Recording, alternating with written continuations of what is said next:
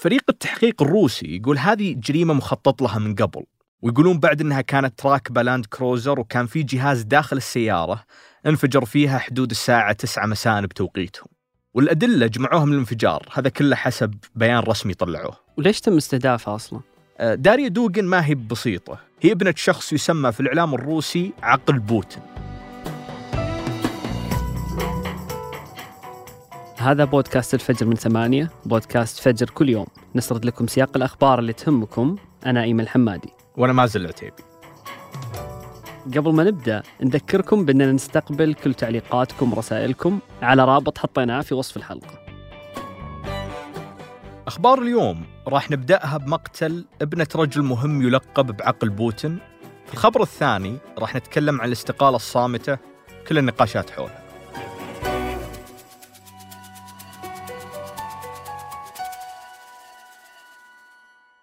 الخبر الأول من روسيا وتصدر كل الصحف والمواقع من غرابته وقوته خصوصا إن في الخبر غموض وقصص وخفايا.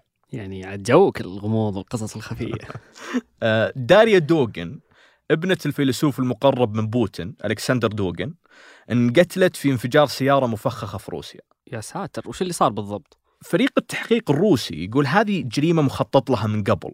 ويقولون بعد إنها كانت راكبة لاند كروزر وكان في جهاز داخل السيارة انفجر فيها حدود الساعة 9 مساء بتوقيتهم. والأدلة جمعوها من الانفجار. هذا كله حسب بيان رسمي طلعوه. وليش تم استهدافها أصلا؟ آه، داريا دوغن ما هي بسيطة. هي ابنة شخص يسمى في الإعلام الروسي عقل بوتين.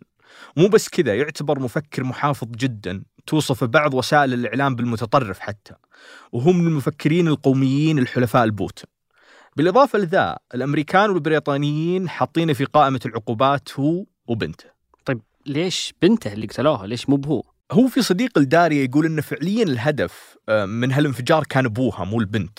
ويمكن كلهم المقصودين بس السيارة سيارة أبوها مو بسيارتها. بس وش اللي يخلي الأمريكان يخلونها في قائمة العقوبات أصلا؟ هي داريا أصلا فعلا شابة ولدت في 92 ميلادي ودرست الفلسفة من جامعة موسكو الحكومية. قبل فترة شاركت في مقالة كانت المقاله صريحة جدا في إنه لو أوكرانيا دخلت حلف الناتو فأوكرانيا راح تهلك. يا ساتر إيش كثر العائلة ذي دمرانة. ألكسندر دوغن أصلا أبوها في قائمة العقوبات من 2015 لأن الأمريكان يشوفون إنه يهدد السلام والأمن العالمي وغيرها من التهم.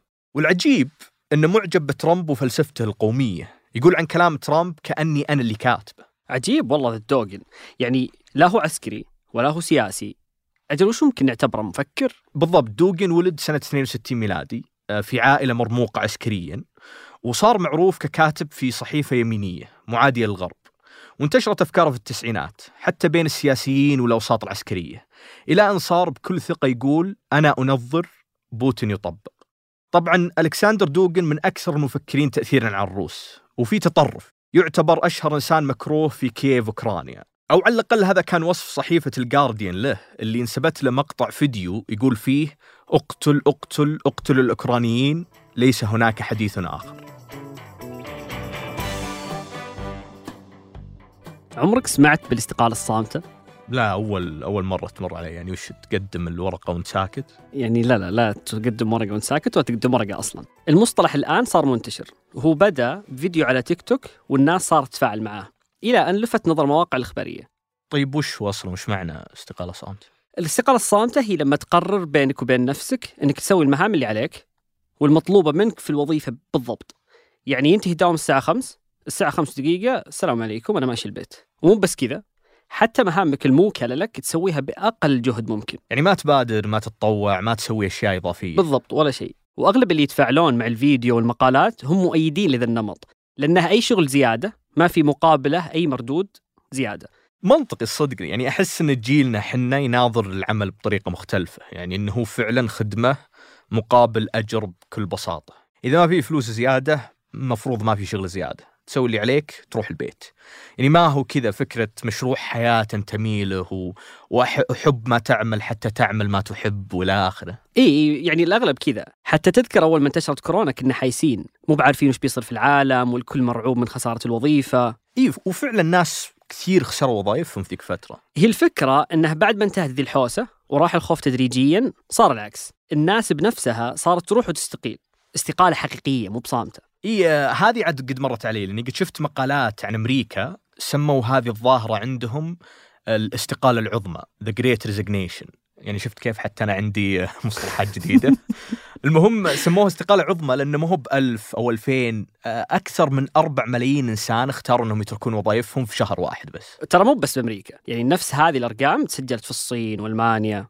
بس وش اللي الحين صار بالضبط يعني؟ عشان الأسواق رجعت فتحت وصار فيه خيارات ثانية؟ إي أكيد هذا سبب. وفي بعد إن العالم كله تغير.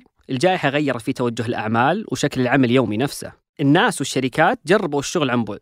صار الموظفين يجلسون وقت أطول مع عوائلهم وأولوياتهم اختلفت. يا أخي كفي الأزمات النفسية اللي عشناها؟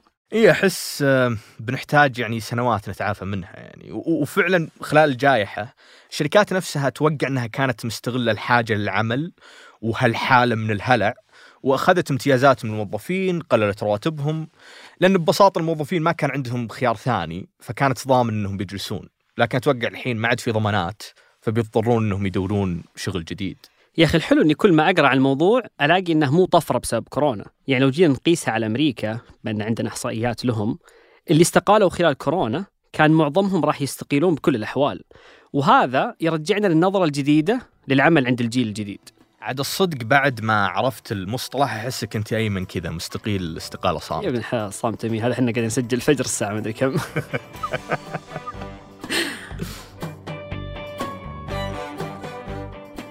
أنتج هذه الحلقة ترك القحطاني ولما رباح وقدمتها أنا أيمن الحمادي. ومازن العتيبي. وحررها محمود أبو ندى. شوفكم بكرة الفجر.